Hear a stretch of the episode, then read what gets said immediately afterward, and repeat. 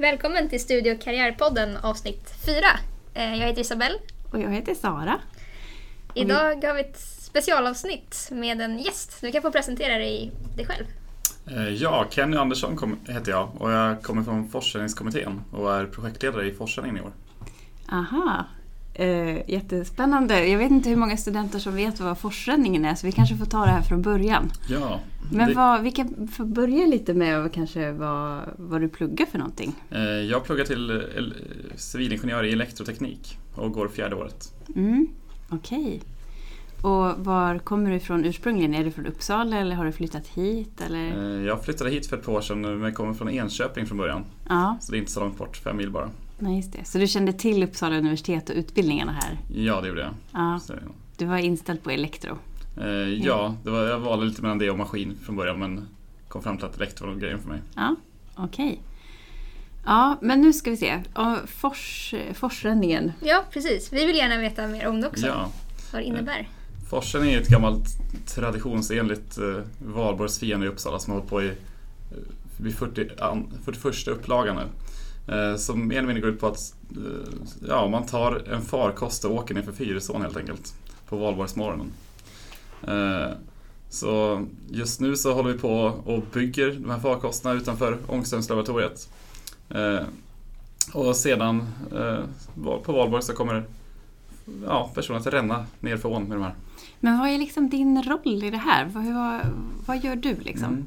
Mm. Jag är då en utav 22 eh, studenter från Uppsala teknolog och naturvetarkår som eh, sedan i november har planerat allt det här med själva byggandeveckan där vi har som en liten festival vid sidan om och sen ja, hela valborgsgrejen också, hur allting ska gå till. Mm. Är det bara studenter från eh, teknik och natur, alltså tecknat, som eh, kör båtarna? Nej, man får, vem som helst får faktiskt anmäla sig och det enda kraven vi har är att man ska vara 18 år och simkunnig.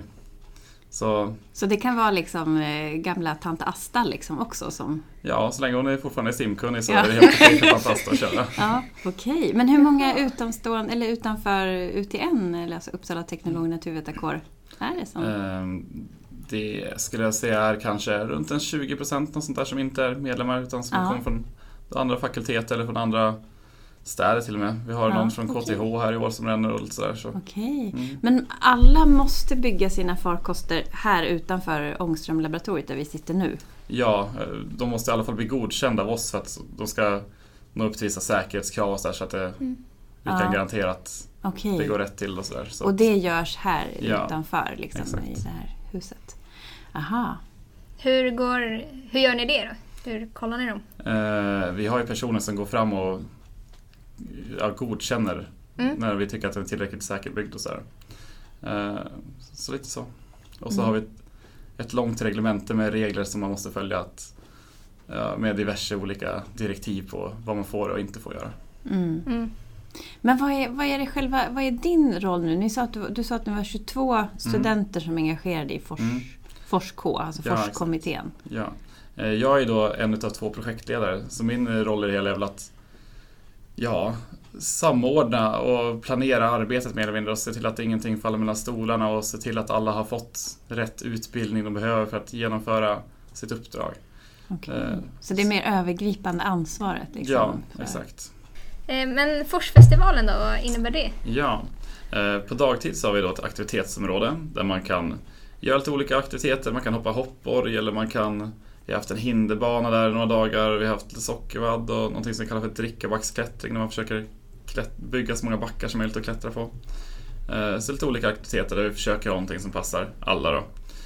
Eh, Och sen har vi även ett pubtält där man kan köpa mat och dryck och lyssna på musik på kvällarna. Där vi har lite liveband och ståuppkomik och lite sånt där vi har haft. Mhm. Jag har sett att ni har en badtunna också. Är det många som eh, utnyttjar den? Ja, vi har haft en badtunna här i tre dagar nu som nästan till varit fullbokad hela tiden så det är jätteroligt. Okej, man ska boka badtunnan. Alltså, Ja. Det är väldigt så här, organiserat. Ja. Det är inte bara att... Nej, man bokar den mot en liten anmälningsavgift för att vi ska få arrangemanget att gå runt så att säga. Ja. Jag förstår. Mm.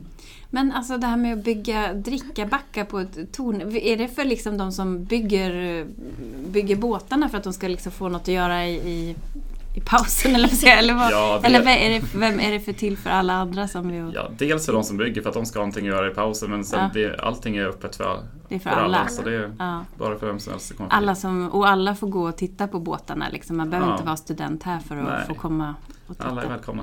Ja. Mhm. ja, det är jättespännande. Det händer ju verkligen väldigt, väldigt mycket. Men själva valborgsdagen hur ser den ut för dig då? Hur börjar liksom sista april för dig? För mig börjar det med att vi har samling klockan fyra på morgonen. Där vi, Fyra på morgonen.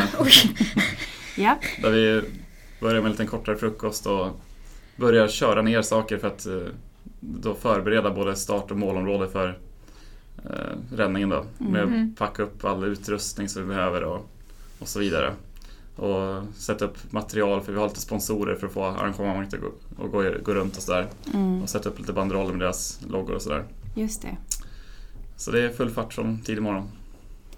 Ja, men sen då, då har ni alltså, och forsränningen, när börjar forsränningen? Eh, När, Ja, startskott går klockan 10 så Ja. klockan 10 är 21 flotten iväg.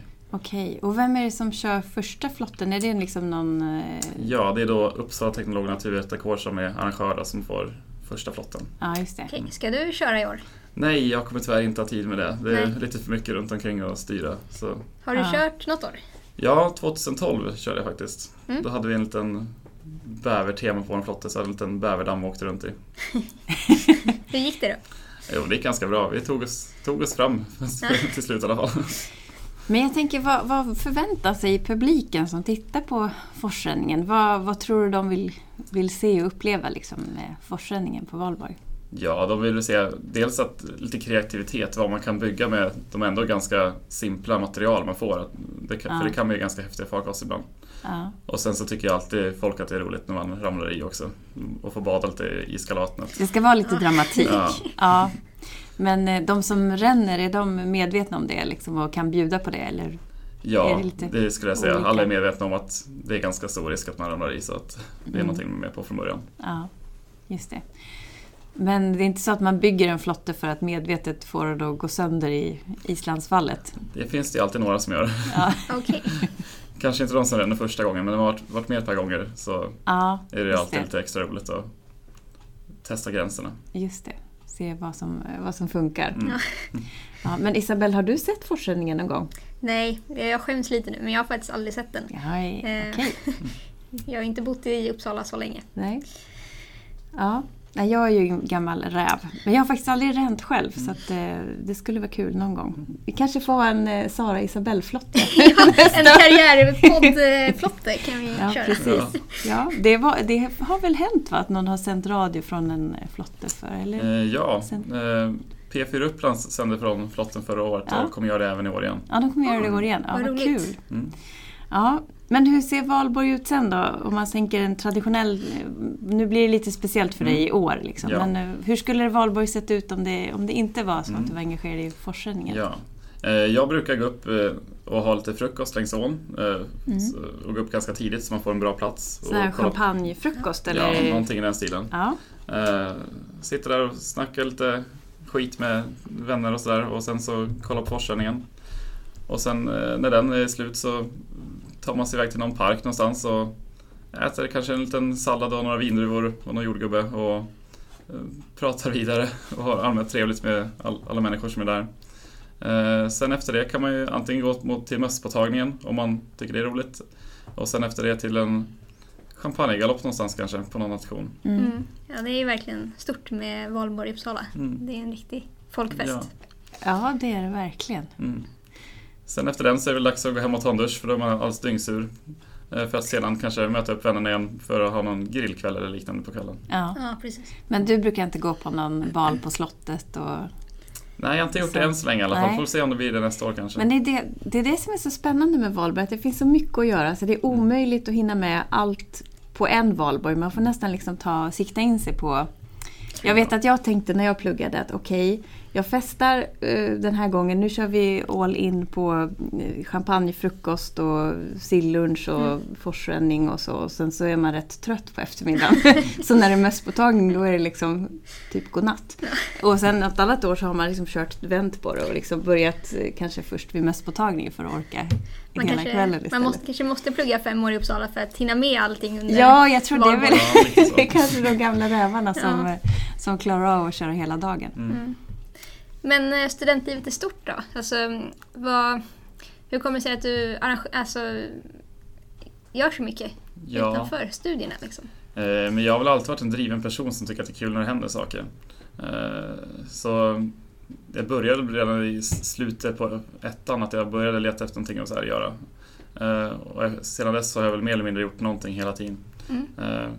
Jag alltså du menar ett, något engagemang ja, något i kåren? Eller ja, i... framförallt i kåren, men mm. även lite små saker annars också. Mm. Någon uh, nation också kanske? Eller? Nej, inte mycket via nation faktiskt. Nej. Uh, mer så här, att vi har hjälpt studiebevakarna i program och, och sådär. Mm. Uh, men ja, det är för jag tycker att det är jättekul. Man lär träffa så mycket människor och få massa erfarenheter som är väl värda att ha senare i livet. Mm. Så det är någonting som du skulle rekommendera alla studenter att verkligen. göra, att ta del av. Det ger verkligen en extra krydda på studentlivet skulle jag säga. Men är det svårt att hinna med studierna då? Jag menar den här veckan, hur är den för dig liksom och studier? det kanske var en dum ja. fråga. kanske inte vi vill veta. Just den här veckan är, så är det svårt att kombinera med studier. Det är klart man, mm. att man kan gå på så obligatoriska labbar och sånt där men mm. annars så blir det svårt att hinna med. Men det har man, har man vetat om under en väldigt lång period så att man har försökt att ligga lite före innan det här drar igång. Ja, just det kunna planera ja. utifrån Exakt. att du vet hur det är den här perioden. Mm. Men vad händer på första maj för din del? Eh, då blir det en tidig morgon igen, fast inte alls för tidig. Vi ska ses här uppe vid niosnåret på mm. Ångestensolaboratoriet och eh, städa av det sista så att det ser eh, lika rent och snyggt ut som det gjorde när vi började festivalen. Okej, okay. mm -hmm. okay, så det är inte först på måndag som du får pusta ut? Ja, pusta ut och pusta ut. Jag har ju lyckats tajma det så jag har en tenta den 4 maj men Okej, okay, då blir det... ja, det kommer säkert gå jättebra. Ja, det tror jag också. men eftersom att det här är en studie och karriärpodd då, mm. om man ska se det utifrån så karriär och så, hur, vad har det här för betydelse för framtiden? Mm. Eh, jag har ju då någon form av plan att eh, inom ett par år efter att börjat klart börja jobba som någon form av projektledare inom något tekniskt. Då. Ehm, så jag har ju valt att, mina arrangemang har jag liksom valt lite grann efter det för att försöka få erfarenhet till det. Så jag har ju då haft många olika projektledarroller under min studietid i olika grejer. Ehm, vilket jag tycker så här, även om jag pluggar någon projektledarkurs av något slag så kanske man får lite grann teorin men det är svårt att så här, genom att bara studera, att få sätta de kunskaperna liksom i, i praktiken. Mm. Så det här har varit ett otroligt nyttigt sätt för mig att ja, men lära mig lite grann om hur det funkar i praktiken och så här, vad man ska tänka på och, och så vidare. Och så vidare. Väldigt smart av dig att liksom tänka på att träna på ja. det som man har lärt sig. Liksom. Ja, för man har, jag har lärt mig otroligt mycket i de här arrangemangen. Hur man driver större projekt och mm. med många olika samarbetspartners och många personer involverade. Vad är det svåraste med att driva ett projekt? Ett så här stort projekt? Eh, jag skulle säga att få allting att klaffa. Man har så, så otroligt många människor som ska samarbeta. Från olika företag som har olika sätt att arbeta på och allt vad det är. Så att, mm. att få allting att liksom gå ihop till en grej när det är så många olika personer involverade så skulle jag säga är det svåraste. Mm. Men det som är bra med det här projektet kan jag tänka mig att man får ju resultat på en gång. Liksom. Ja, verkligen. Jo, man, på lördag så är det liksom... Ja, då ska mm. allting klaffa. Så det, ja. Då ska man se om alla planer går som tänkt. Mm. Nej, men det, jätte, det ska bli jättekul att se resultatet av allt arbete senaste halvåret. Ja. Ja, jag kommer mm. definitivt gå och titta på forsränningen med mina barn mm. och familj. Och eh, du kommer inte? Jag kommer tyvärr du sitter inte, på ett flygplan. Jag sitter på flygplan på väg till Orlando, USA då. Så jag kommer tyvärr inte. Men jag kan rapportera till ja, dig och berätta. Precis. Så vi ses ju säkert eh, på lördag. Eller jag kanske ser dig skynda förbi. Men det var väldigt kul att du kom hit och ja. ville berätta om eh, forsränningen och om dig själv och dina studier. Ja, tack mm. för att jag fick komma hit. Ja, tack. Ja. Och så får vi säga tack och hej till ja. alla som har lyssnat på det här. Hej då! Hej då!